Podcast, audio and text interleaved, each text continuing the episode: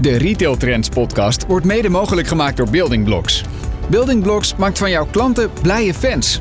Onze personalisatietechnologie zet jouw klant centraal, zodat je business groeit. Meer weten? Kijk op building-blocks.com. Building Blocks, the number one in consumer AI. Welkom bij de Retail Trends podcast. De podcast waarin ik met opvallende retailers spreek over de retaillessen uit hun carrière. In deze podcast ga ik in gesprek met Janine Holscher, CEO van Blokker. Deze huishoutketen heeft ruim 400 vestigingen in Nederland. Ik ben Marcel ten Holte, oprichter en eigenaar van Retail Media.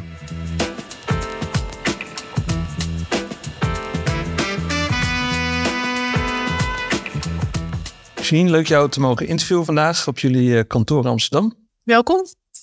Nou, zoals wij eh, in deze podcast altijd doen, we gaan uiteraard uh, diep in de blokker. Maar laten wij starten bij ja, jouw studietijd. Dat is toch een beetje de, de, de, de leidraad van, uh, van deze podcast. Om, uh, wat hebben we nou geleerd in onze carrière? En uh, nou ja, beginnen bij je studie. Nijrode gedaan. Ja, nou, ik heb meer in mijn carrière geleerd dan tijdens mijn studie, ja? denk ik wel. Dus ik heb heel veel geleerd, maar toen niet gerealiseerd hoeveel ik daar eigenlijk leerde. Oké. Okay. Want um, ja, uiteindelijk pas je het toe in, in de praktijk. Ja. Ik heb uh, inderdaad uh, lang geleden al uh, voor Nijrode gekozen. dat was eigenlijk niet een hele uh, logische keuze. Nee, want je had gymnasium beta gedaan. Ik had dus gymnasium beta, ja. Maar ik kwam ook uit een gezin met allemaal uh, um, nou ja, wetenschappers, artsen. Um, dus um, zoals mijn ouders zeiden, Janine gaat het zakenleven in. Dat was Oh. vrij afwijkend. Ja. maar ik was eigenlijk geïnspireerd geraakt in mijn jeugd door... Uh, nou ja, Nelly uh, Kroes, uh, Sylvia Toot. Dat waren de iconische vrouwen uit mijn jeugd. Ja, ja, ja. Nou ja, en, en zoiets wilde ik ook. Dus, en bij Nijrode moest je een toelatingstest doen. Dus het was helemaal niet zeker dat je er überhaupt heen kon. Maar ja, ik werd aangenomen. Ja, en dan, en dan moet je wel. Hè? Dan moet je wel. Dan is het wel heel arrogant om te zeggen: nee, laat maar. maar. Dus dat ben ik gaan doen. En daar heb ik nooit spijt van gehad. Oké. Okay. En, ik, ja, ik heb er heel veel geleerd in de, in de collegebanken. Maar maar ik heb eigenlijk misschien wel meer geleerd van het campusleven. Ja, ja, uh, het heel veel sporten. Het echt met elkaar daar zijn. Heb jij nou nog met die groep nog veel contact? Oh, enorm veel. Dat zijn echt mijn vrienden voor het leven geworden. Uh, en ook wel met Nijrode zelf. Toevallig was ik een paar weken geleden uitgenodigd op een diner... om te praten over de strategie van Nijrode. Dus ja, dat is een... En, en het Nijrode netwerk, hè, dat is Ja. gewoon een heel sterk netwerk. Dus nou ja, er zijn heel veel uh, collega's van mij her en der... Uh, zitten uh, in bedrijven. Uh, het zijn ook allemaal Nijrodianen, ja, zoals we ja, zeggen. Ja, zo voelt dat nog dus steeds. het is een heel sterk netwerk. Ja, heel leuk. En het zijn allemaal ja, hele erg pragmatische, slimme, leuke, extraverte mensen. Want ja, zo'n selectie leidt natuurlijk ook weer, ook weer het gevaar hè, tot een bepaald type mensen. Ja, ja, ja. Had jij toen al beeld van, joh, ik wil echt die carrière in het zakenleven? Of had jij het idee van, joh, ik wil op een gegeven moment een eigen bedrijf? Wat, wat, wat was jouw nee? Nou ja, kijk, eigenlijk uh, uh, gingen de meeste mensen die Nijrode af hadden gemaakt, die gingen uh, naar Unilever of Shell. Procter, Shell, uh, echt van die corporate carrières. Yes. Daar had ik, mijn vader heeft overigens zelf altijd bij Shell gewerkt, maar ik had daar nog niet zo'n beeld bij. Ik had ook niet een vooropgezet plan van zo moet het eruit gaan zien. En ik heb tijdens, of aan het eind van mijn Nijrode periode, me ingeschreven voor een stage. Uh, en uh, via ISEC, een studentenstageorganisatie. En daar werd ik ingelood voor een stage in Italië. Nou, heel veel van mijn uh, collega-studenten gingen naar Indonesië of Japan. Ik ging naar Italië.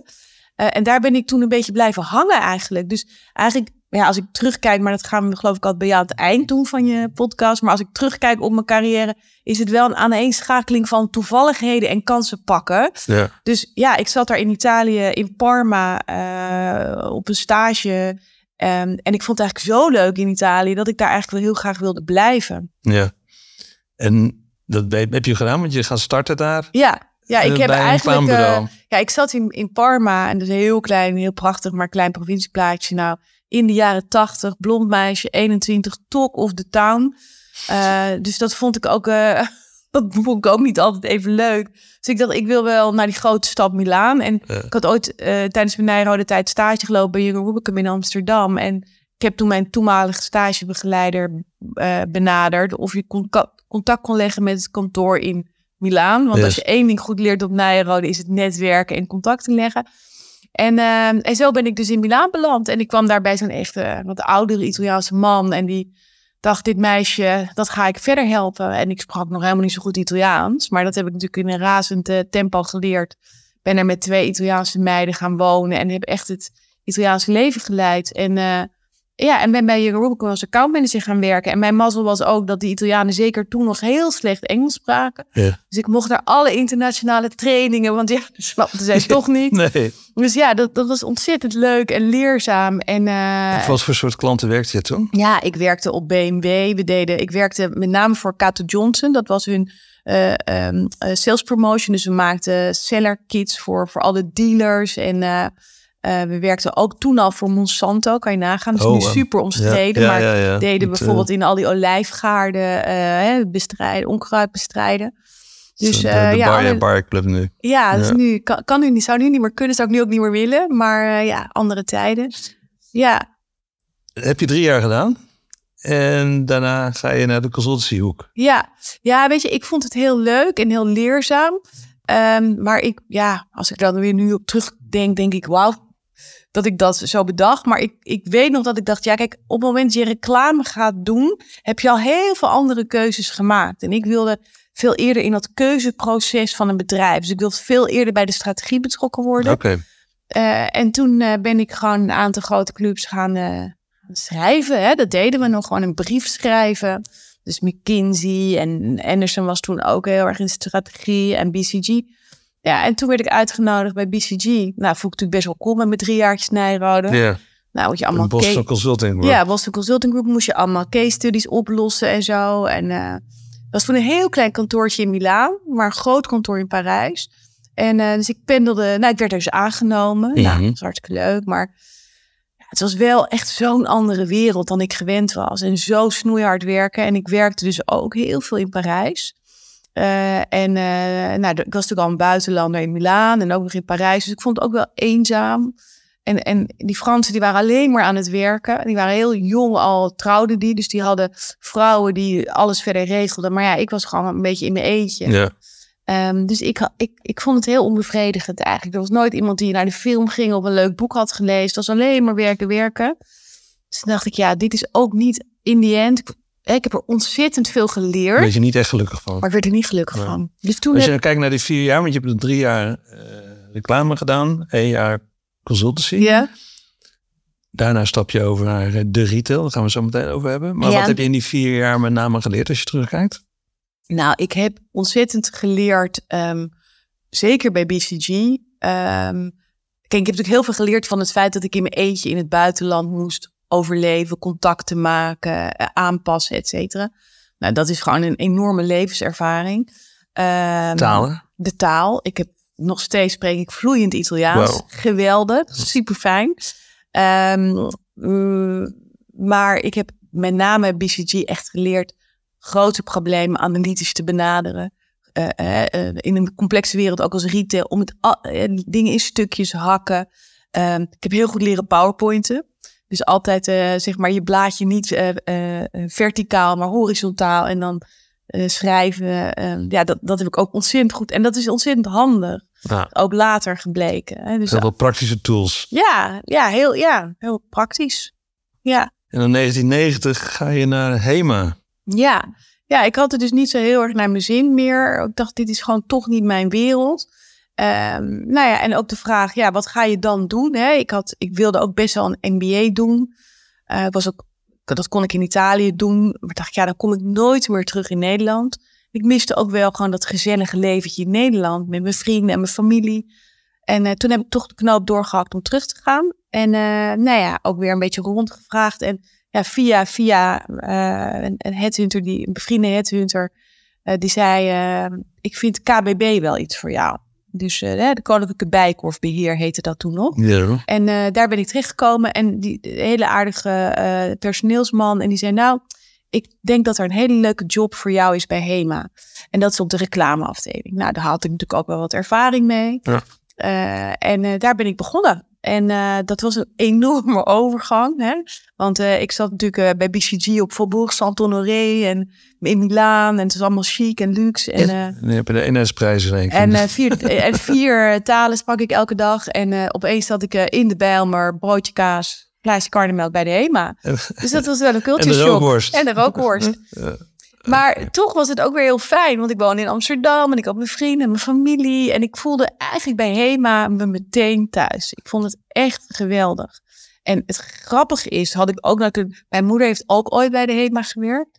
Die werkte in de tijd dat de HEMA al die franchisewinkels open, weer, eh, geopend werden. Dat deed zij. Dus dat was eigenlijk ook heel bizar dat dat ook weer een soort samenkwam. Het voelde echt HEMA is een Joods bedrijf. Ik heb een Joodse achtergrond. Dus het voelde echt heel erg als thuiskomen. Dus ik heb het daar ook waanzinnig naar mijn zin gehad. Dus ik ben begonnen op de reclameafdeling. En vrij snel kwam er een reorganisatie. Uh, en de toenmalige inkoopdirecteur, hij is helaas vorig jaar overleden, was Bart Sporenberg. Echt een visionair. En hij dacht, dit bedrijf moet veranderen. Het was de tijd dat we de corsetten gingen eruit. Uh, gewoon echt rigoureuze stappen. Dat kan ik alleen maar doen met jonge, frisse mensen die niet die historie hebben. Dus hij heeft toen een team van mensen uh, benoemd. Uh, die allemaal jong waren, eigenlijk redelijk onervaren. En wij gingen inkoop aansturen. Inkoop was ook voor hem echt leading.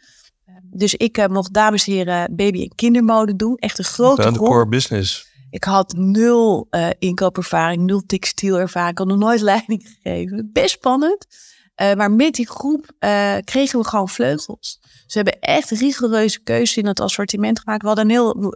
Bart nam ons allemaal mee naar Amerika. We moesten kijken naar de gap. We moesten echt die richting in van actual basics, keuzes maken. Hij heeft toen dat. Ik weet niet of jij dat nog herinnert, maar het was zo'n heel klein A3-formaat boekje. Wat, en eigenlijk door middel van de mar ja, nu heet het marketing, toen heet het gewoon reclame, gingen wij um, heel erg keuzes maken en ook die meteen communiceren. Nou, dat heeft voor een enorme omwenteling gezorgd. Uh, nou, later is Jan Kessels uh, algemeen directeur geworden van de HEMA. En, uh, en hij samen met Bart hebben ook weer het bedrijf echt weer een stap verder gebracht.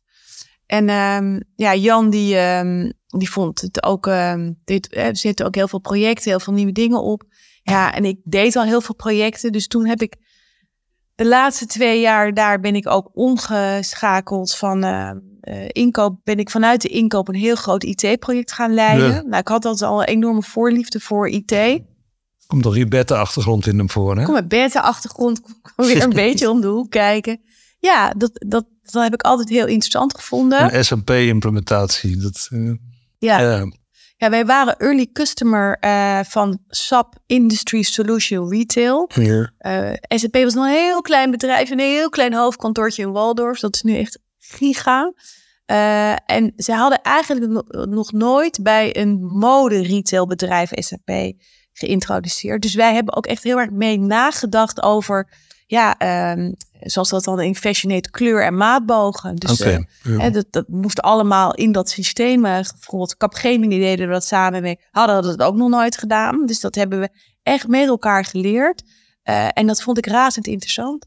En ook ehm, zeg maar het verschil met zeg maar strategy consulting is dat je, ja, als je een IT-project doet, ja, dat is, het is heel pragmatisch. het zijn nullen en enen. dus um, ik weet nog dat ik een keer voor Jan Kessel zijn neus stond en zei: We moeten het nu gaan inrichten, Jan. Uh, we hadden toen ook België al. Mogen Belgische winkels zelf inkopen? Ja of nee? Ik moet het nu weten, hè? weet je? En dat is best een strategisch besluit, maar het moet gewoon heel digitaal in het systeem. Nou, en, en zo geldt dat natuurlijk. En, en dus is ook wel IT, en dat vind ik echt ook nog steeds, het is ook wel een katalysator voor verandering. Omdat je gewoon, je moet gewoon echt keuzes maken. Ja. En dat vind ik gewoon heel erg leuk. Ja. ja. Dat heb je de laatste twee jaar gedaan? Ja. Tot 98? Ja. Ja, en toen gebeurde er best wel, werd er heftig ingegrepen. Uh, door de KBB-directie? Ja, door, de, door KBB, door Arie Maas. Die was teruggekomen. En, uh, en die uh, ontsloeg uh, de directie. En ik was heel, ik, ik, bizar genoeg, er waren vier kamers op de directievloer. En ik had, en er waren drie directeuren. En ik had de vierde kamer ingepikt. Maar het was natuurlijk ook wel een soort echt groot strategisch project. Dus ik was heel verbonden met Jan en de toenmalige uh, eh, CFO Luc Beijer. Um, en Dirk Groenwinnen was net binnengekomen. Uh, want, Jan, of, want Jaap was, uh, die was naar Praxis gegaan. Dus ja, en die directie met uitzondering van Dirk, die werden ontslagen. En ik was er zo mee verbonden. En Arie Maas zei tegen mij, ja, maar je doet een heel belangrijk strategisch project. En we willen graag dat je blijft. Maar ik dacht, ja, het heeft helemaal geen zin. En, en, en, Jaap kwam terug en opeens stond SAP ook weer een beetje ter discussie. En ik dacht, ja, het is gewoon niet de goede energie. Ik had in mijn privéleven, was uit met mijn vriend. En ik had um, uh, waterpokken gehad op 32 jaar geleden. Ik was heel ziek geweest. En ik dacht, weet je, het roer gaat om. Ik ga het gewoon, ik ga voor mezelf beginnen. Nou, ik had ook net een nieuw huis gekocht in Amsterdam-Zuid. Dus mijn ouders zeiden, wat ga jij doen? ik zei, joh, die hypotheek is binnen, daar vraagt nooit meer iemand. Nee, nee, Dus uh, ja, weet je, dat zijn ook weer, ook weer zo'n momenten in je leven. Net als toen ik op mijn 21 naar Milaan ging, dat ik nu denk, dat ik dat durfde. Alsof het iemand anders was. Weet je, dat is echt heel gek. Als je terugkijkt op je leven. Um, klinkt nu wel heel oud, hè, Marcel? Terugkijkt op je leven. Maar ja, zo is het natuurlijk toch. Het is toch echt jaren geleden. We kijken straks weer vooruit. We kijken weer vooruit. Dat is heel belangrijk, vooruit blijven kijken. Maar goed, dit is een moment van reflectie. En ja, dus toen, uh, en ik had natuurlijk wel de unieke kennis dat ik SAP had mogen implementeren. En ja, we waren gewoon echt de eerste. Dus vrij snel werd ik ook al benaderd of ik dat wilde gaan doen uh, bij de uh, speciaalzaken van Findex. Nou moet je weten, in die tijd waren KBB en Findex met elkaar net in die fusiesgesprekken. Dus ja, en Findex was tot die tijd was echt de vijand. Ja. Maar in die tijd waren er net die fusiegesprekken en ik werd dus benaderd door Findex of ik um, daar bij de speciaalzaken SAP wilde helpen implementeren. En dus mocht ik naar de Klenken, het hol van de leeuw, waar wij natuurlijk als, als KBB'ers nooit kwamen. Ja, en dat, dat was ben met ik... Perisport en zo. En, uh, ja, Hunkemuller. Pre, uh, ja, nee, dat, Prenatal was toen al, dat waren de KBB speciaalzaken. Oh, ja, ja, ja, ja, Nee, het was Krijnborg wat niet meer bestaat. Kien wat niet meer bestaat. Oh. Hunkemuller, die speciaalzaken. en die moesten allemaal over op, op SAP. Dus toen ben ik eigenlijk uh, ja, voor mezelf begonnen en klussen gaan doen. Leuk. Ja. ja. Hoe was dat om, om, om dat helemaal zelfstandig te doen? Ja, ik vond het wel echt heel erg leuk. Kijk, ik, ik ben, ik zou nooit uh, in mijn eentje PowerPoints thuis maken, is niks voor mij. Dus ik, ik vind het ontzettend leuk om met mensen dat te doen. En in projecten werken is natuurlijk met allemaal slimme mensen, slimme leuke dingen bedenken. Nou, dan vind ik ontzettend leuk. En dat ik gewoon mijn rode draad is ook door retail uh, is dat ja, het is altijd multifunctioneel. Hè? Dus het is altijd met allerlei specialisten. En ja, 1 is, is 1 plus 1 is 3. En uh, ja, dat vind ik gewoon heel erg leuk. Ja. Dat heb je best lang gedaan. En dan in 2013 ga je naar VND. Ook interim. Ja, ik heb dus van alles gedaan. Ja. Hè? Dus ik heb, maar ook, ik heb ook bij Transavia aan boord retail. Ik heb bij het Rijksmuseum de retail van het museum. Maar ja, de rode draad altijd assortimenten, retail, supply chain. Uh, altijd ook, er zit natuurlijk altijd, altijd een IT-component aan, altijd een digital component aan. Nou, en IT en digital is natuurlijk steeds meer samengekomen. Ja. En zo'n e-commerce manager bij VND, daar kwam het eigenlijk wel een beetje voor mij allemaal samen. Dus de IT-component, uh, um, maar ook nou, de, de, de online marketing component, assortiment bouwen, een team aansturen daar. Uh, en, en, wat daar heel belangrijk was, uh, ook de verbinding uh, met inkoop. Dus ik had natuurlijk ook heel erg die inkoopachtergrond. Dus, en kinderkleding bijvoorbeeld was heel belangrijk online. Toen al, ik gaf toen al 23 procent. Hebben het over tien jaar bij geleden. VND. Bij VND. Wow. Maar ja, ook in de allocatie bijvoorbeeld en in de supply chain. Je moet wel zorgen dat je daar dan ook die aantallen hebt. Want de focus was offline, en maar online was groeiende. Ja. Nou, waar, hoe ga je dat dan budgetteren? Hoe zorg je dat dat succesvol wordt? Ja, en dan is het heel fijn dat je ook die offline ervaring hebt. Dus dat was, en dat was wel heel leuk, want Jacob de Jonge was daar toen CEO en die dacht, ja, ik kan wel een heel erg uh, pure player, ervaren iemand, maar daar gaat het nu niet om. Hè? Het gaat echt juist om die verbinding, om eigenlijk, ja, mm. wat we nu allemaal om die channel noemen. Ja. En ja, er wordt ook nu wel, en dat is wel een mooi moment om dat ook weer even recht te zetten bij jou, Marcel. Ja, um, om eer te doen aan hoe goed dat toen al was. Ik bedoel, bij VND. Bij VND, 12% was de omzet toen al. Hè, tien jaar geleden was gewoon online. En nu zegt iedereen, ja, VND was er te laat bij. Ben ik het volstrekt niet mee eens. Een goede development afdeling. En ja, het was houtje touwtje qua systemen. Maar we hadden bijvoorbeeld, we dropshipten al met Perry. Nou, dat was voor toen echt al wel echt, echt bijzonder. Dus uh, nee, dus daar hebben heel veel mensen. Daar is, daar is het niet fout gegaan. Nee, het kan altijd beter. Nee, ik denk dat het daar fout is gegaan op te weinig productiviteit per vierkante meter. Gewoon Ja. te grote winkels met te weinig omzet Ja. en te hoge kosten. Ja.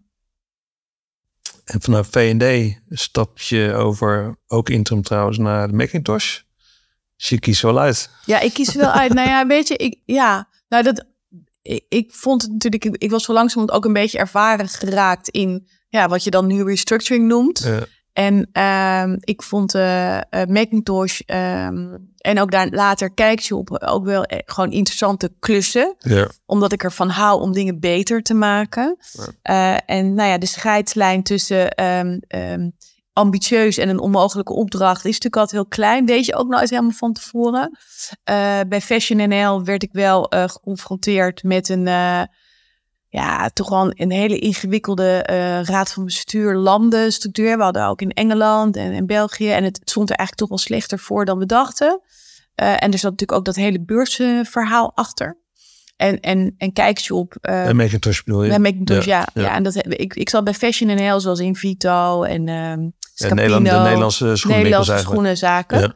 En Kijkshop was gewoon een hele ingewikkelde aandeelhouder... die zich eigenlijk ten opzichte van mij veel beter heeft voorgedaan dan die was. Ah, die, die Zweden. Zweden, ja. het over hadden genomen van die eigenaar van Lucardi. Ja. Ja, en, die, en, en wat ik daar gewoon heel ingewikkeld vond, is dat er was, kwam elke keer geld, maar ik wist niet precies waar het vandaan kwam. En ja, op een gegeven moment wil je ook gewoon als statutair bestuurder weten dat je gewoon voor een jaar, zeg maar, fully funded bent. En die garantie konden ze mij niet geven. En eh, ja, dus daar ben, heb ik op een gegeven moment eh, samen met mijn collega's in de, in de directie gezegd, tot hier en niet verder. Dit- Hier stoppen we gewoon mee. Nou ja, goed, toen heeft het nog wel een jaar of zo doorgesudderd, maar... eh, ja, maar ondertussen, ja, toen ben ik eruit gestapt. Ja. En dan komt Big Bazaar op jouw spoor. Ja, 2018. ja dat was eigenlijk, eh, ik, ik, ik, eh, eh, Macintosh zat ik via Boerenkroon. Ehm, en eh Boerenkroon vroeg, benaderde mij eh, voor Blokker Holding, dat daar een rol was, interim CEO. En toen dacht ik, oh ja, Blokker, goh, Blokker Holding. Ja, kijk, als je een HEMA-historie hebt, dan is Blokker Holding, dat is Dat is de andere kant. andere kant van het spectrum, zullen we maar zeggen. Dus dat was, oh, maar ja, oké, ik ga wel eens praten. Ja, eh, weet je. eh. Dus en toen kwam ik, en toen leerde ik Michiel Witteveen kennen. Die was daar president-commissaris. En daar had ik eigenlijk een soort instant klik mee. Dat was Mhm. echt een heel leuk gesprek. En eh, nou ja, en, en bij Big Bazaar eh, was ook de uitdaging restructuren. Gaan we het verkopen? Of gaan we het restructuren? Houden, houden we het zelf? Hè? Dus dat was ook nog niet helemaal duidelijk. Nou, vond ik ook eigenlijk wel een superleuke opdracht. Ja. Ehm, en ehm, dus dat ben ik gaan doen. En toen heeft Michiel eigenlijk, dat was in 2018, eigenlijk nu exact eh 2018, dat is Vijf vijf, jaar jaar, geleden. Jeetje, time flies. Dus ehm, eh, in, die, in dat najaar van 2018 heeft Michiel de familie overtuigd om Blokker en, eh, en Big Bazaar, dus Blokker Holding, te verkopen. Eh, dus toen kwamen we in een heel ander traject eh, met het maken van businessplannen, een roadshow. Kon je powerpoints van maken? PowerPoints uit de kast getrokken. Ja, zeker, zeker. Ik had helemaal niet zulke flitsende PowerPoint, maar ze waren eh, goed genoeg. Ze klopte wel. Ze klopte wel. En ehm, eh, toen zijn we dus met allerlei partijen gaan praten. Nederlandse private equity, buitenlandse private equity. En er waren eigenlijk twee partijen over. Duits en Engels. En eh, nou, daar waren we heel ver mee. En toen belde Michiel mij op en die zei... eh, wat zou je ervan vinden als ik het zelf kocht? Nou, dat was echt totaal onverwacht. Toen zei ik, nou ja, why not? Hè? No guts, no glory. Dus toen is hij afgetreden als president-commissaris. En, Om, eh, het kwam ook omdat die andere twee niet serieus genoeg waren? Of? nou, oké. nou, hij, hij vond het niks. En ik snapte dat wel. Want kijk, een, wat, een van de, de Duitser bijvoorbeeld, die zei op een gegeven moment, dan krijg je, heb je van die calls en dan gaan ze je vragen over de winkelportefeuille. En toen zei hij tegen mij, nou, we will send uh, our retail of uh, our real estate expert and he can help you. Michiel heeft gewoon een leven in vastgoed. Ja. En die kent alle grote eigenaren, die belt hij op. Snap je? Dus dan denk je, ja, wat is dan eigenlijk de toegevoegde waarde? Dus hij, dat vond hij ook. Hij dacht, dat is gewoon ook niet goed. Hij had het gevoel dat hij met het team om zich heen veel meer kon toevoegen. En dat was ik eigenlijk heel erg met hem eens. Oké. Uh, en als je uh, prooi valt aan buitenlandse private equity, dan is de vraag: hoe goed is dat voor je personeel? Ja, ja. Hoe goed is dat voor je bedrijf? Dus dat, dat, dat, ik ben hem daar echt eigenlijk nog steeds dankbaar voor dat hij dat risico Want er waren geen, geen, geen retailpartijen die Geen waren. strategen. Nee. nee. nee. Nee, en dat is natuurlijk toch uiteindelijk wel het best. Ja. Dus eh, nou, toen heeft hij dus gekocht en aan mij gevraagd van wil je dit samen met mij doen? Dus toen zijn we de, de Mirage Retail groep gaan oprichten eigenlijk. Ja. Ehm, en ik was toen nog steeds eh, ook eh, CEO bij, eh, bij Big Bazaar. Ehm, en uiteindelijk is de CEO van Blokker vertrokken. Nou, dat, toen heeft hij dat nog even kort zelf gedaan. Maar goed, Michiel is gewoon de visionair, de man van de grote lijnen en de grote klappen. We hadden ook Intertoys in 2019 eh, gekocht, samen Van met Maxi Toys van van de Portugezen? Portugees. Ja. Eh, dus er, er ontstond ook echt een groep. Dus toen zijn we het team ook verder samen gaan stellen met de CFO en business development. Dus het, ja, het werd ook gewoon groter. En de ambitie om naar de beurs te gaan. Ja, BCC nog gekocht. Ambitie om naar de beurs te gaan. Maar ja, goed, toen kwam natuurlijk ook corona. En eh, ja, dat is, was natuurlijk een mega klap. Ik ben zelf dus bij Blokker begonnen midden in corona op 1 oktober 2020. Ik had zelf al corona. Oh, sorry. Dus ik ging mij voorstellen aan het hele bedrijf thuis eh, vanaf de Achter je scherm. achter mijn scherm. Ja, dat is heel gek. Ja. En toen, ehm, maar goed, we waren toen nog steeds open. Hè? Dus, dus eh, eh, maart, corona, winkels bleven open. Het zag er in oktober ook nog steeds naar uit. We zijn wel met wel scenario's gaan ontwikkelen. Stel je voor dat het most unlikely geval dat de winkels Dicht dicht, moeten, moeten. konden we ons niets bij voorstellen. Maar, zo, maar ja, nou, wat gaan we dan doen? Nou, toen, en toen gingen we dus dicht. Ja, dat is natuurlijk een ramp. Ik zat hier op dit kantoor waar we nu ook zitten. Je ziet hier televisiescherm, hier naar de persconferentie kijken. Oh my god, wat nu? Nou, en toen hebben we eigenlijk eh, ook op initiatief van de winkels zijn we die bezorgdienst gaan opzetten. Dus iedereen toch gelukkig weer in die actiemodus. Kon er wat doen. Niet dat dat nou significant eh, eh, bijdraagt aan de omzet, maar heeft ontzettend veel goodwill gecreëerd. Het heeft ook ons heel veel geleerd over de rol van de winkel in de nabijheid van klanten. Dus die lokale rol. Ja. Ehm, maar ja, dan ben je dicht. Maar zie dan nog maar weer eens open te gaan. Heeft dus tot april, eind april geduurd. Hè? Dus ook, ik zat ook in allerlei lobbygroepen ehm, om weer open te gaan. Eh, maar ook om subsidie te krijgen. Want ja, als je zo'n groot bedrijf dichtgooit, de kosten lopen wel Ja. door. Hè? Dus dat- met Hoe- alle hoe respect met toch anders dan bij een MKB'er. Ja, hoe ga je met je voorraden? Ah. Bakplaten voor de kerst, die lagen er. De airfryers. En ondertussen kwamen er weer de nieuwe airfryer modellen. En, wij zagen de airfryers en de sodastuurs bij Albert Heijn liggen.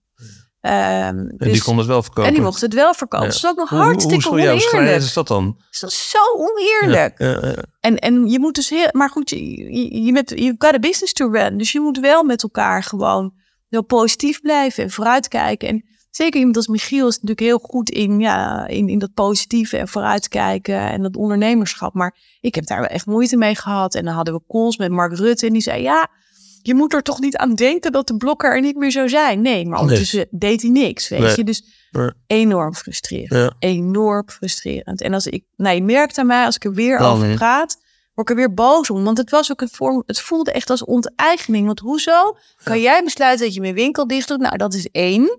Hè, dat was al gek, want in winkels werd je niet ziek. Maar oké, maar staat daar dan niks tegenover? Nee, nee. En ben je niet bereid om steunmaatregelen die er wel waren, om die open te stellen voor ons? Nou ja, goed. Dus uiteindelijk zijn we ja, heel erg gehavend uit de strijd gekomen. Het heeft ons tientallen miljoenen omzet gekost. We hebben natuurlijk wel NOW gehad. Maar ja, het zweegt natuurlijk niet op. Nou, ehm, ja, en toen gingen we natuurlijk open. En ja, toen was er echt wel weer een soort opleving. Maar goed, je zit inderdaad met die enorme voorraden. En dus dat betekent, betekent ook, ja, je, je, je bent echt een crisis aan het managen. Ja, want hoe, hoe was je relatie met de leveranciers dan? Nou, ik denk, onze leveranciers hebben ons wel geholpen. Ja. Dus we hebben bijvoorbeeld ook de, de betaaltermijnen opgeschort met de termijn dat we dicht waren.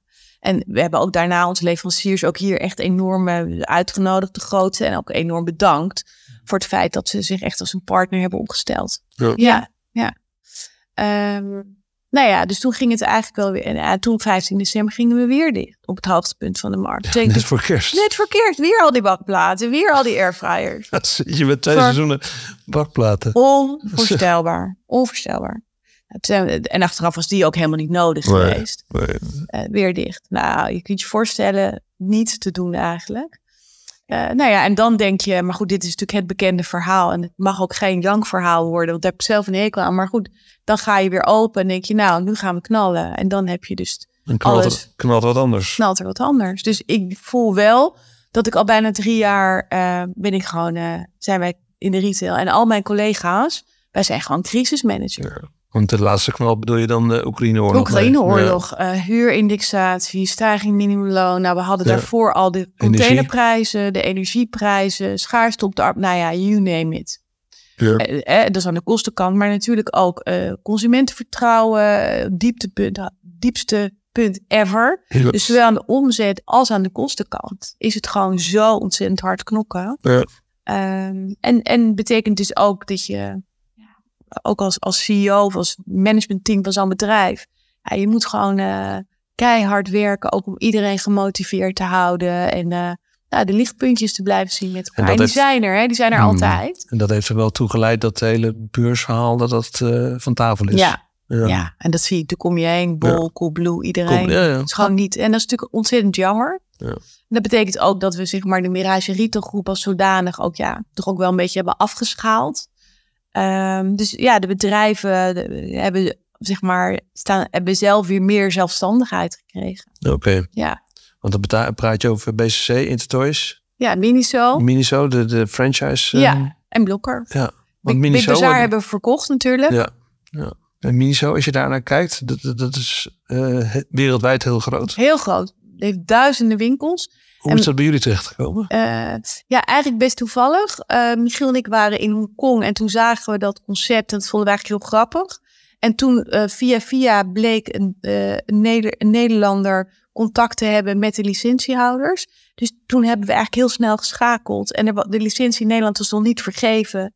Nou, en die- die hebben we op een hele korte termijn bam naar ons toegetrokken. Ja.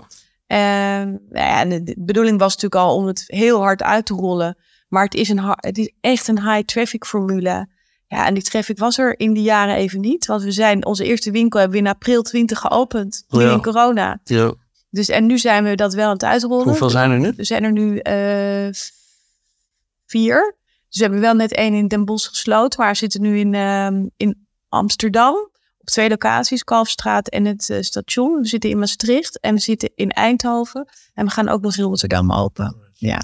En de ambitie is om dat echt te laten groeien. Ja, om echt te laten Ja. groeien. Ja, het zijn natuurlijk hele kleine winkels. Is- ehm, maar echt op high traffic locatie. Ik denk ook dat we heel goed zouden kunnen werken op een station of zo. En werk Ja. je dan met franchise? Jullie hebben een franchise. We hebben de franchise contract voor Nederland. Dus wij kopen in bij de Chinese organisatie. Ja, ja. En degene die dan zo'n vestiging hebben, dat zijn, dat zijn jullie eigen vestigingen? Of dat, ehm, Ja, wij huren dat gewoon. Ja, Ja. Wij exploiteren dat. Wij kopen dus in en de rest doen dus ons eigen personeel. Eigen personeel, en, ja, dat bedoel ik. Dat doen we ook vanuit hier. Ja.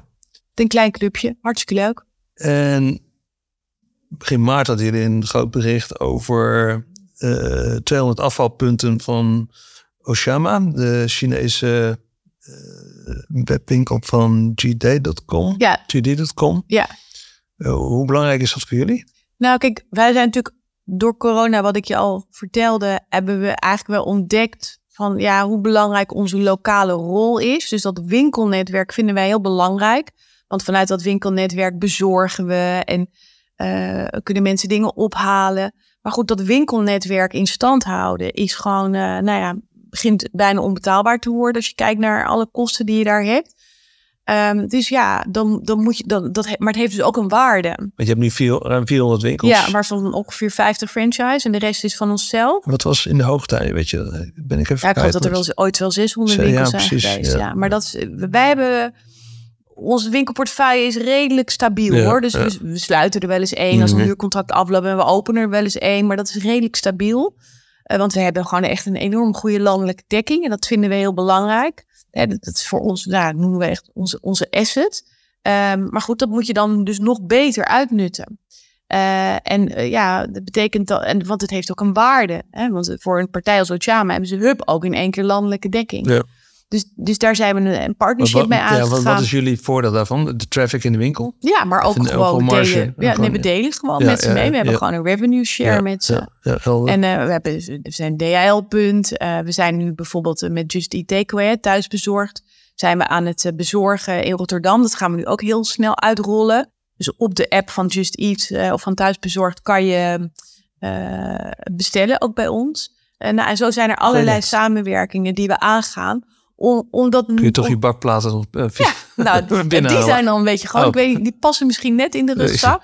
Denken we dus ook over na. Dus alles is ook IT-driven. Want ja, als wij dus een, een bakplaat opvoeren als artikel, dan zijn de afmetingen heel belangrijk. Want ze moeten wel in een rugzak passen. En als ze niet in de rugzak passen, staan ze ook niet op de app. Nee, Hè, we bezorgen op de fiets vanuit 60 winkels nu.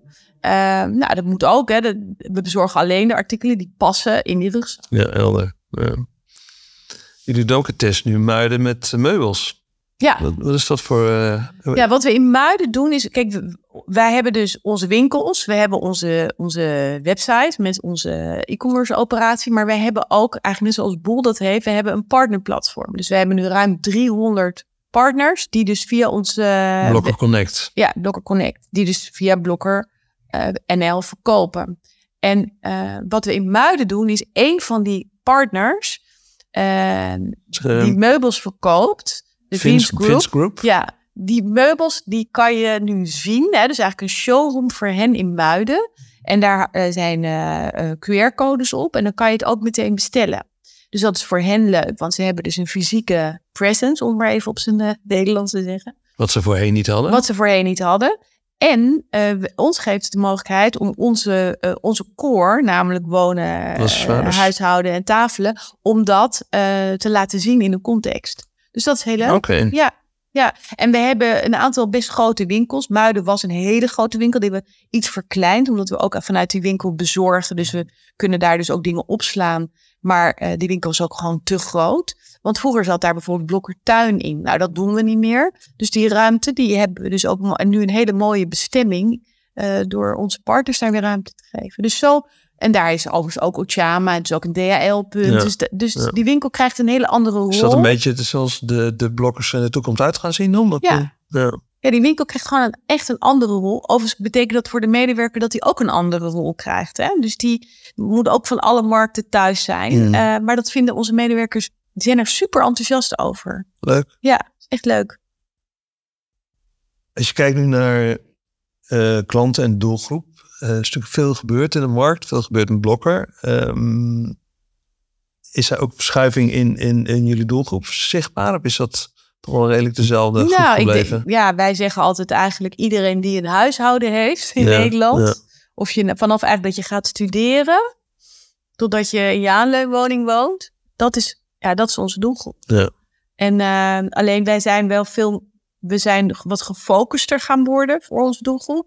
Dus echt, eh, ehm, ja, koken, huishouden, eten, tafelen, dat is onze core. Dus Yes. dat zul je bij ons vinden. En alles om het huis, om van je huis een thuis te maken, dat hebben we. Ehm, Maar speelgoed bijvoorbeeld, is dat nog steeds? speelgoed is veel kleiner Nee, nee, ja, precies. was vroeger natuurlijk veel meer. Dat is heel groot. Ja. Maar ja, we hebben nu ons zusje Intertoys, wat eigenlijk bijna overal naast ons zit. Ja. eh, die het heel goed doen. Ja, waarom gaan wij dan hele... We ho- hoeven geen... Maar we zijn bijvoorbeeld wel traditioneel, bij thuis hoort ook puzzelen. Dus puzzelen, eh, puzzels verkopen wij gewoon heel goed. Dus die doen we nog steeds. Maar ook eh, eh, wat kleinere spelletjes. ehm, maar ook als je bijvoorbeeld eh, voor een klein verjaardagsfeestje. Of we zien natuurlijk op woensdagmiddag heel veel moeders in, in onze winkels. En dan kan je leuke kleine dingen voor je kinderen kopen. Maar het is heel gefocust. Dus het is veel minder groot dan het was. Ja. En die ruimte benutten we weer voor andere dingen. Dus we, hebben, we doen veel meer op het gebied van woonaccessoires.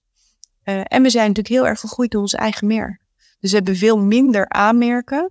Ehm, er, z- daar kiezen we heel bewust in. We, überhaupt hebben we minder artikelen. Omdat we Is dat een merk blokker of is het een fancy merk? Nee, het is ons eigen merk. Want Blokker is eigenlijk gewoon een merk geworden. Ehm, en, ehm, en we zijn, ja, we hebben dus, we zijn veel meer naar de voorkeuze. We hoeven niet meer 15 staafmixers te hebben. Zorg maar gewoon dat je vijf hele goede en een paar prijsklasses hebben. Want anders wordt het ook te ingewikkeld voor klanten. Ja. En wat we natuurlijk doen is met onze aanmerken. ehm, hebben we bijvoorbeeld, nou, neem een Brabantia. Ik noem even als voorbeeld, hebben we eh, in onze winkel de grijze en de, en de blauwe prullenmand. Maar online kan je ook nog de paarse en de oranje kopen. Ja. Dus, en, en die eh, worden zelf door Brabantia verstuurd naar klanten. Oké. Eh, en zo, zo hebben we zeg maar de, de, de, de, de fastsellers in onze winkels. En de longtail, Longtail en alle online. andere eh, artikelen, eh, misschien hoger geprijsd en zo. En dat zien we nu ook met dat mooie weer. Wij verkopen alle ventilatoren die je maar kunt bedenken. Maar onze partners die verkopen bijvoorbeeld zelf airco's. En dat is dus heel. Dus, dus ons, ons platform gaat heel erg over koken, huishouden, tafelen. Maar daar kan je wel alles vinden.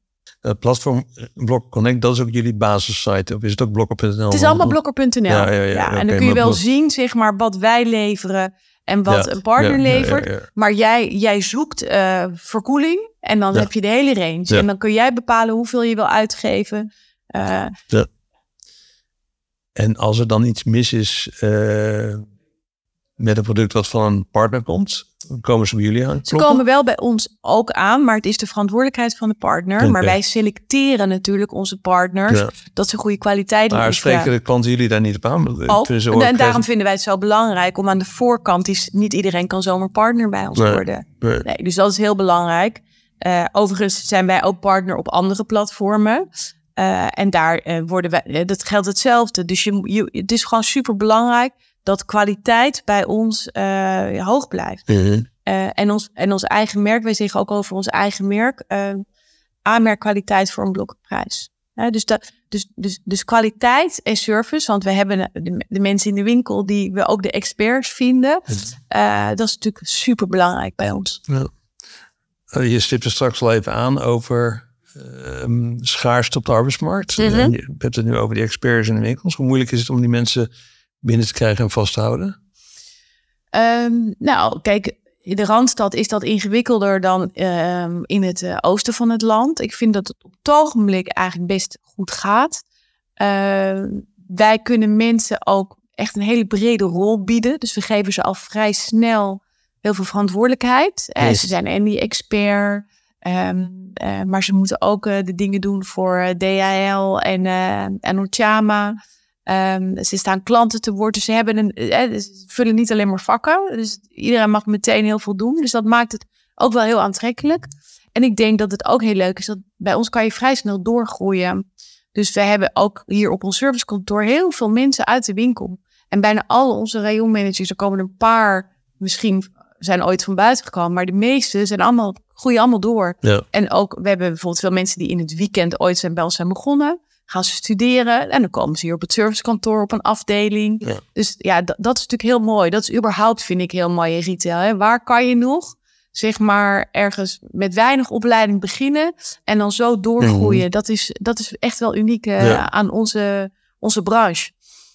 En interne opleidingen, doe je dat ook? Zeker. En zeker eh, voor mensen in de winkel wordt Ja. ontzettend veel eh, leren en ontwikkelen gedaan. En, eh, maar we doen ook dingen als, zijn we net mee begonnen, mindfulness trainingen, hebben we apps voor en zo. Alright. ja, dus mensen, mensen leven onder stress. En je weet, jongeren, ontstressen. ja, ja. dus, en dat is een waanzinnig succes. Oh. Ja, heel leuk. Dan mogen, kunnen ze vrijwillig aan meedoen. Ja, dan kun je een app downloaden Ja. en, eh, en die app geeft tips. En je kan zelf doelen bepalen wat je wil. En dan heb je elke ochtend een oefening en zo. Ja, het wordt enorm goed gebruikt. Ja, het is heel leuk. Ja. Heel Ja. mooi. We hebben het al even over vestiging. Je zegt rond die 400, dat is redelijk stabiel. Ja. Ehm, qua omvang, ja, straks zei je al van, ja, we kunnen met minder vierkante meters Ja. af. Wat is nu jullie ideale omvang? Drie, 400 meter, daar kunnen we echt een mooie blokker op bouwen. Oké. Ja. En, en hoeveel heb je die veel groter zijn en die eigenlijk naar, naar minder zou kunnen? Nou, ik denk wel dat we dan 100 of zo echt wel aan de grote kant zijn. Alright, oké. Ja. En die ga je dan herlokeren? Of? Ja, of eh, nou, sommige verkleinen we ook. Hè. Dus er zijn er echt wel een aantal voorbeelden waar bijvoorbeeld de eigenaren graag eh, woningen willen bouwen. Oh ja. En dan hebben wij bijvoorbeeld een winkel over meerdere verdiepingen, wat we eigenlijk ook helemaal niet fijn vinden. Dus dan leveren we verdiepingen in en dan eh, komt het ook goed. Hè? Ja. Dus eh, Ja, we zijn met allerlei creatieve dingen aan het bedenken. Ja. Ja, Of een Intertoys erbij. ja ook wel. Maar- gebeurt ook wel. En we switchen ook wel eens. We geven ook wel eens een winkel aan Intertoys of geven. Maar ik bedoel, dan, dus ja, we zijn, we zijn eigenlijk dagelijks met die winkelportefeuille bezig. Ja. Ja. En dan het thema duurzaamheid. Dat is ook wel een van jouw eh, speerpunten. Ja, duurzaamheid zit echt in mijn hart. Ik denk ook dat je als, als leider, om het maar zo even te noemen, dat alleen maar kunt doen als je dat zelf ook bevlogen over bent. En dat ben ik. Ik ben al ik eet al meer dan 25 jaar geen vlees. Ik rijd al, nou, ik denk al zolang het kan, elektrisch. Uh, ik heb, ja, ik heb daar wel een, echt een heel groot hart voor. Um, en, en ja, aan de ene kant zit natuurlijk ook wel het dilemma van ik, ik werk natuurlijk in een branche waar het gaat, hè, waar ons businessmodel is consumeren. En niet, en niet maar, consuminderen. En niet consuminderen. Um, maar je kan natuurlijk wel consuminderen door dingen van een hele goede kwaliteit te maken. Ja. En ook door dingen te repareren in plaats van weg te gooien. Dus dat zijn speerpunten. Uh, maar we zijn natuurlijk ook een heel groot merk. Dus we kunnen ook impact maken. En we hebben ook heel veel winkels. Dus ook een speerpunt van ons is natuurlijk recyclen. Dus dat zijn we heel succesvol in met die koffiecupjes. Oh, tonnen aan koffiecupjes worden er bij ons gerecycled. Die mensen gewoon netjes komen terugbrengen in de winkel. Ja, komen allemaal netjes terugbrengen. Uh, maar ook van andere merken.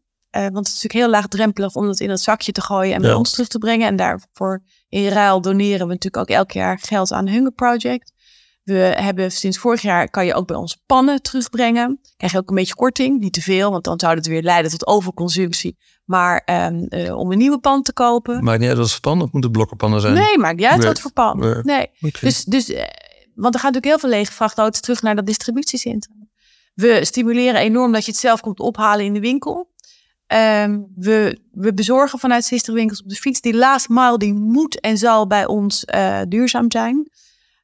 Um, en uh, we zijn heel erg, zoals iedereen denk ik, kijk, verpakking is bij ons natuurlijk ook een heel groot uh, Ja. punt. Uh, dus dat betekent zowel consumentenverpakkingen als onverpakkingen.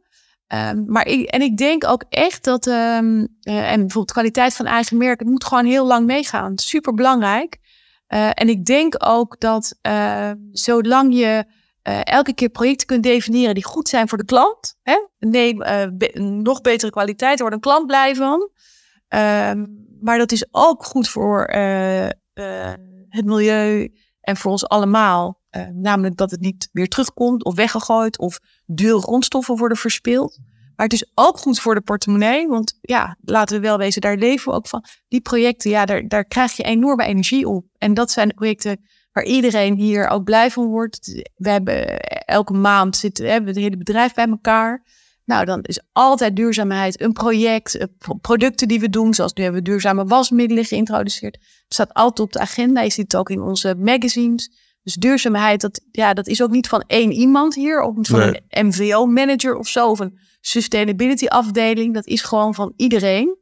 Um, en iedereen is daar elke dag mee bezig. En Ja. dat vind ik zo ontzettend mooi Ja. om te zien. Ja, ja. Ja, en we krijgen er ook heel veel vragen over in de winkel. Hè? Want we hebben, krijgen elke maandag krijg ik um, allerlei feedback van winkels. En dan uh, krijg ik ook voorbeelden. Waarom is dit? Is dit niet zo, kan dit niet anders? Zonder dat dit hier nog omheen zit. Eh, Ja, ja, Zo ja, goed. ja. Heel blij mee. Ja. ja. Mooi. Als we kijken naar eh, de toekomst, Ja. natuurlijk wel erg naar het verleden kijken. Eh, maar nou, duurzaamheid is al een van jouw speerpunten Ja. voor de toekomst. Heb je nog andere speerpunten voor Blokker? Nou ja, lokaal, dichtbij. Dat is wel uh, een rol, zeg maar, in die winkelstraat blijven vervullen. Uh, dat is echt wel uh, een heel belangrijke speerpunt van ons. En nou ja, de winkel waar we het net hebben, de nieuwe rol van de winkel, de optimale winkel. Waarbij er voorkeuze is, goede mix tussen A-merk en ons eigen merk. Um, maar ook nou ja, rol voor anderen in die winkel. Uh, ja, dat, dat, daar ligt uh, wel bij ons heel erg nu uh, de focus op. Mm -hmm. Als je kijkt naar, uh, of terugkijkt met jouw carrière tot nu toe, en we hebben het over, we hebben het vaak ook over kantelpunten. Wat zijn voor jou belangrijke kantelpunten in jouw carrière geweest, die bepalend zijn geweest? Voor waar je nu staat? Nou, ik denk uh, toch wel ook wel heel belangrijk is dat ik, uh, nou ja, dus niet voor het klassieke. Ik zeg altijd, ik heb een, allemaal onconventionele keuzes in mijn leven gemaakt. Dus ik ben dus niet na Nijrode naar Unilever of. Procter gegaan. Dus ik heb echt een ander pad daarin gekozen. Um, nou ja, ook het pad om zelfstandig te gaan in 98 al is ook echt wel een enorm kantelpunt geweest. Ja. Waardoor ik ook heel veel vrijheid heb gehad. Hè. Dus ik, ik had een partner die een bepaalde periode eh, in Amerika ging werken. Nou, toen heb ik ook gezegd, nou, ga ik even leuk met jou mee even niks doen. Toen mijn kinderen geboren werden, hebben, heeft me ook de vrijheid gegeven om te zeggen, nou, ik ga niet na drie maanden al dat uh, boodschappenmandje, die Maxi Cozy bij de crash afgeven. Ik blijf gewoon negen maanden bij mijn kind. Ja, dus ja, ook belangrijk. Nou, natuurlijk ook het feit dat ik eh eh, Michiel ben tegengekomen. Dus ook, denk ik, deze afgelopen vijf jaar zijn een waanzinnig bijzonder avontuur geweest. Ehm, dus ja, het is allemaal niet vooropgezet. Hè? Het is ook een beetje vanuit ja, hoe ik ben en ja, gewoon ook heel erg mijn kansen gepakt. Ja, gewoon op dat moment. gezien en gepakt. Ja, gewoon gedacht, hé, hey, dit is gaaf. Ja. Ja. ja, weet je, toen ik dus blokker ging, zeiden mensen, jeetje, blokker, dat je eraan begint. Ja, nee, ja.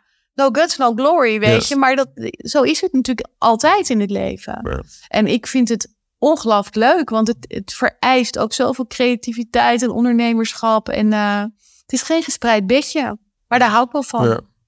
Mooi. Als jij kijkt naar ehm, andere retailers of ondernemers, ehm wie inspireerde jou weer? Ja, ik, ik raak altijd enorm geïnspireerd, Marcel, door mensen die iets zien wat er niet is, of wat niet deugt, of wat niet klopt, en dan een oplossing bedenken en daar dan succesvol mee eh, worden. Dus eh, eh, dat vind ik zo mooi ondernemerschap, waardoor er denk ik al heel veel dingen bedacht zijn die er niet waren. Eh, en nou ja, neem het wasmiddel wat wij net geïntroduceerd hebben, dat zijn gewoon, dat is geen liquid meer, niet meer vloeistof, maar dat zijn gewoon blaadjes. Eh, nou ja, dat soort innovatie, dat soort eh, Want heel veel volume bespaart bijvoorbeeld. Ja. water, water. water, volume. Ja. dat vind ik zo gaaf dat je dat kan. Je kan bedenken, maar dat je het ook doet en op de markt brengt en al die energie hebt om dat groot te maken. Nou ja, zo zijn er natuurlijk zoveel voorbeelden. Dat vind ik heel cool. Mooi. ja, Leuk. Ik wil jou eh, bedanken nou, voor jouw eh, mooie verhaal en eh, de vele retaillessen uit jouw carrière. ja, nou, Leuk om dit allemaal met jou te kunnen bespreken. Ik wil alle luisteraars bedanken voor het luisteren. Abonneer je nu op de Retail Trends podcast en luister naar de retaillessen van opvallende retailers. Kijk voor meer informatie op retailtrends.nl. Dankjewel.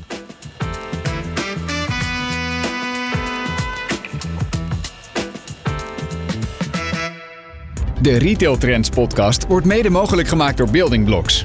Building Blocks maakt van jouw klanten blije fans. Onze personalisatietechnologie zet jouw klant centraal, zodat je business groeit. Meer weten? Kijk op building-blocks.com. Building Blocks, the number one in consumer AI.